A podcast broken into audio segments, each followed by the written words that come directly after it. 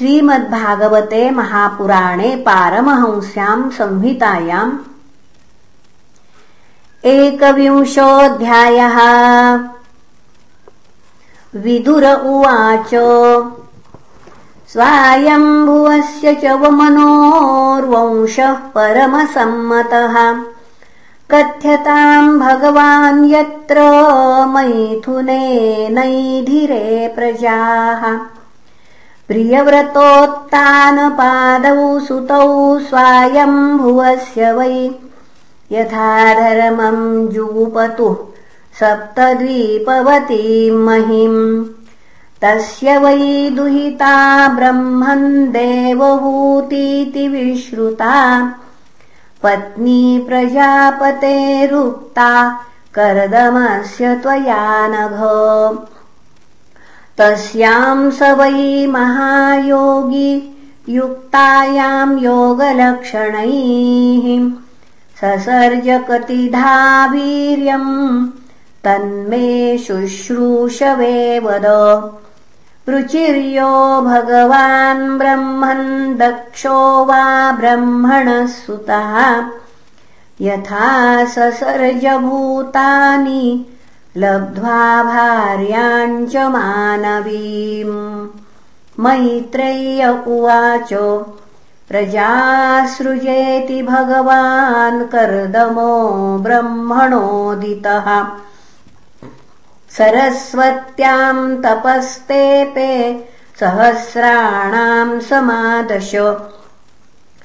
ततः समाधियुक्तेन क्रियायोगेन कर्दमः सम्प्रपेदे हरिम् भक्त्या प्रपन्नवरदाशुषम्।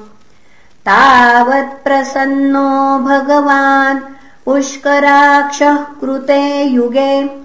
दर्शयामास तम् क्षत्तः शाब्दम् ब्रह्म दधद्वपुः। सतम् विरजमर्काभम् सितपद्मोत्पलस्रजम् स्निग्ध नीलालकव्रातवक्राब्जम् विरजोऽम्बरम्। पुनः स्निग्धनीलालकव्रातवक्त्राब्जम् विरजोऽम्बरम्। किरीटिनम् कुण्डिलम् पुनः किरीटिनम् कुण्डलिनीम् शङ्खचक्रगदाधरम् श्वेतोत्पलक्रीडनकम् मनस्पर्शमिस्मिते क्षणम् विन्यस्तचरणाम्भोजमंसदेशे गरुत्मतः दृष्ट्वाखेव स्थितम् वक्षश्रियम् कौस्तुभकन्धरम् जातहर्षोपतन्मूर्ध्ना क्षितौ लब्धमनोरथः गीर्भिस्त्वभ्यगृणात् प्रीतिः स्वभावात्मा कृताञ्जलिः। ऋषिरुवाच जुष्टम् बताद्याखिलसत्वराशे संसिध्यमक्ष्णोस्तव दर्शनान्नः। यद्दर्शनम् जन्मभिरीड्य सद्भिराका पुनः यद्दर्शनम् जन्मभिरीड्य सद्भिराशासते योगिनो रूढयोगाः।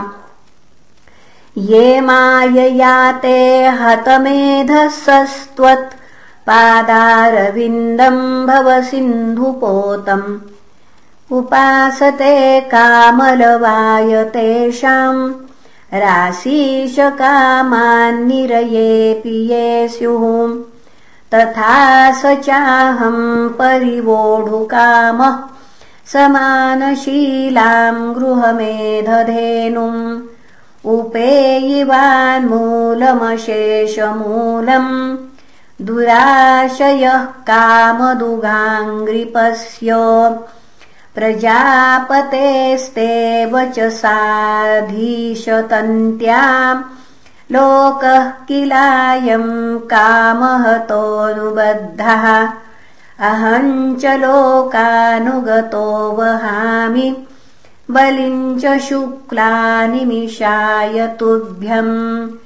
लोकांश लोकानुगतान् पशुंश्च हित्वा श्रितास्ते चरणातपत्रम् परस्परम् त्वद्गुणवादसीधुर्पीयूष निर्यापितदेहधर्माः। न ते जराक्षभ्रमिरायुरेषा त्रयोदशारम् त्रिशतम् षष्ठिपर्व षण्णेम्यत्नन्तच्छदि जगदाच्छिद्यधावत्। एकस्वयम् सञ्जगतस्य सृक्षया द्वितीययात्मन्नधियोगमायया। सृजस्य दः पासि पुनर्ग्रसिष्यसे यथोर्णनाभिर्भगवन् स्वशक्तिभिः। नैतद्वदाधीशत्पदम् तवेप्सितम् यन्मायया नस्तनुषे भूतसूक्ष्मम्। अनुग्रहायास्त्वपि यर्हि मायया लसत्तुलस्यातनुवा विलक्षितः तम् त्वानुभूत्योपरतक्रियार्थम् स्वमाययावर्तितलोकतन्त्रम् नमाम्यभीक्ष्णम् नमनीयपाद सरोज मल्पीयसि कामवर्षम्। ऋषिरुवाच इत्यव्यलीकम् प्रणुतो जनाभस्तमाबभाषे वचसामृतेन सुपर्णपक्षोपरिरोचमान प्रेमस्मितोद्वीक्षणविभ्रमद्भ्रूः श्रीभगवानुवाच। विदित्वा तव चैत्यम् मे पुरैव समयोजितत्। यदर्थमात्मनियमैः स्वयैवाहम् समर्चितः। न वै जातुमृषैव स्यात् प्रजाध्यक्षमदर्हणम् भवद्विधेष्वतितराम् मयि सङ्गृभितात्मनाम् प्रजापतिसुतः सम्राण्मनुर्विख्यातमङ्गलः ब्रह्मावर्तम् योधिवसन् शास्ति सप्तार्णवाम् महीम् स चेह विप्रराजर्षिर्महिष्याशतरूपया आयास्यति दिदृक्षुस्त्वाम् परश्वो धर्मकोविदः। आत्मजामसितापाङ्गिम् वयशीलगुणान्विताम्। मृगयन्तीम् पतिम् दास्यत्यनुरूपायते प्रभो। समाहितन्ते हृदयम् यत्रे मान् परिवत्सरान् सा त्वाम् ब्रह्म नृपवधू काममाशु भजिष्यति यात आत्मभृतम् वीर्यम् नवधा प्रसविष्यति वीर्ये त्वदीये ऋषय आधास्यन्त्यञ्जसात्मनः त्वम् च सम्यगनुष्ठाय निदेशम् उषत्तमः। मयि तीर्थीकृताशेषक्रियार्थो माम् प्रपत्स्यसे कृत्वा दयाम् च जीवेषु दत्त्वा चाभयमात्मवान् मय्यात्मानम् सह जगद्रक्षस्यात्मनि चापि माम् सहाहम् स्वांशकलया त्वद्वीर्येण महामुने। तव क्षेत्रे देवहूत्याम् प्रणेष्ये तत्त्वसंहिताम्। मैत्रेय्य उवाच एवम् तमनुभाष्याथ भगवान् प्रत्यगक्षजः। जगामबिन्दुसरसः सरस्वत्या परीक्षितात्। निरीक्षतस्तस्य ययावशेष सिद्धेश्वराभिष्टुतसिद्धमार्गः आकर्णयन् पत्ररथेन्द्रपक्षैरुच्चारितम् स्तोममुदीर्णसाम्। अथ सम्प्रस्थिते शुक्रे कर्दमो भगवान् ऋषिः। आस्ते स्म बिन्दुसरसि तम् कालम् प्रतिपालयन् मनुष्यन्दनमास्थाय। शातकौम्भपरिच्छदम्। आरोप्य स्वाम् दुहितरम्। सभार्य पर्यटन्महीम् तस्मिन् सुधन्वन्नहनि भगवान् यत् समादिशत्। उपायादाश्रमपदम् मुने शान्तव्रतस्य तत्। यस्मिन् भगवतो नेत्राण्यपतन्नश्रुबिन्दवः। कृपया सम्परीतस्य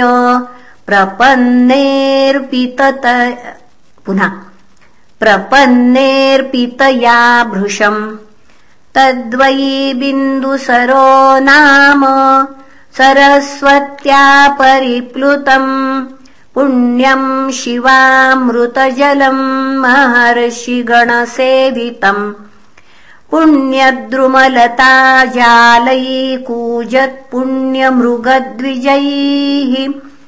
सरवर्तुफलपुष्पाढ्यम् वनराजिश्रियान्वितम् मत्तद्विजगणैर्घृष्टम् मत्तभ्रमरविभ्रवम् पुनः मत्तभ्रमरविभ्रमम्।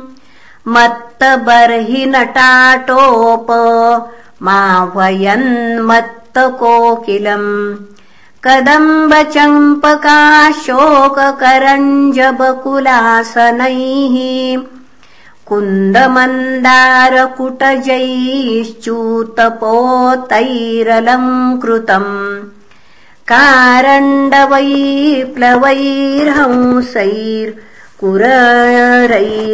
कारण्डवैप्लवैर्हंसैर्कुररैर्जलकुक्कुटैः सारसैश्चक्रवाकैश्च चकोरैर्वल्गुकूजितम् तथैव हरिणैः क्रोडैः श्वाविद्गवयकुञ्जरैः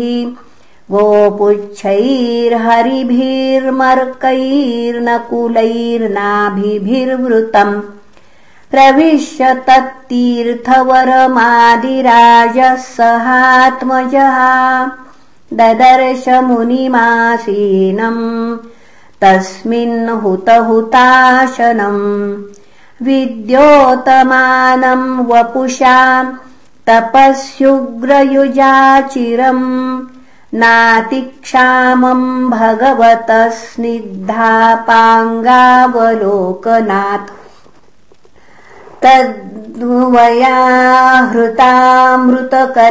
पीयूषश्रवणेन च प्रांशुम् पद्मपलाशाक्षम् जटिलम् चीरवाससम्। उपसंश्रित्य मलिनम् यथार्हणमसंस्कृतम्।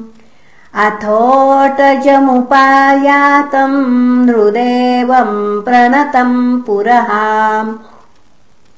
सपर्यया पर्यगृह्णात् प्रतिनन्द्यानुरूपया गृहीतार्हणमासीनम् संयन्तम् प्रीणयन्मुनिः।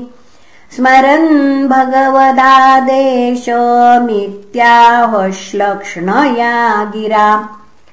नूनम् चक्रमणम् देव सताम् संरक्षणाय ते।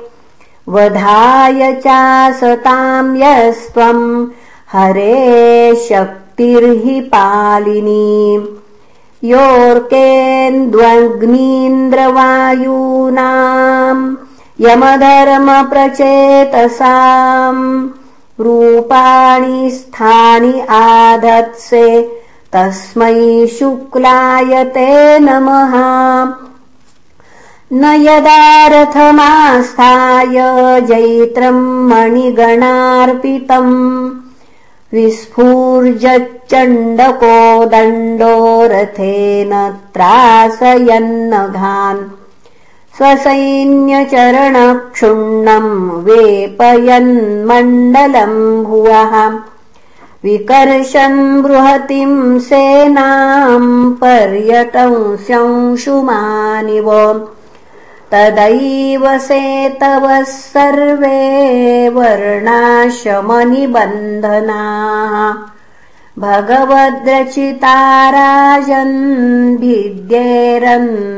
तदस्युभिः अधर्मश्च समेधेत लोलुपैर्व्यङ्कुशैर्नृभिः। शयाने त्वयि लोकोऽयम् दस्युग्रस्तो विनङ्क्षति अथापि पृच्छे त्वाम् वीर यदर्थम् त्वमिहागतः। तद्वयम् निर्व्यलीकेन प्रतिपद्यामहे हृदा। इति श्रीमद्भागवते महापुराणे पारमहंस्याम् संहितायाम् तृतीयस्कन्धे एकविंशोऽध्यायः। श्रीकृष्णार्पणमस्तु। हरये नमः हरये नमः हरये नमः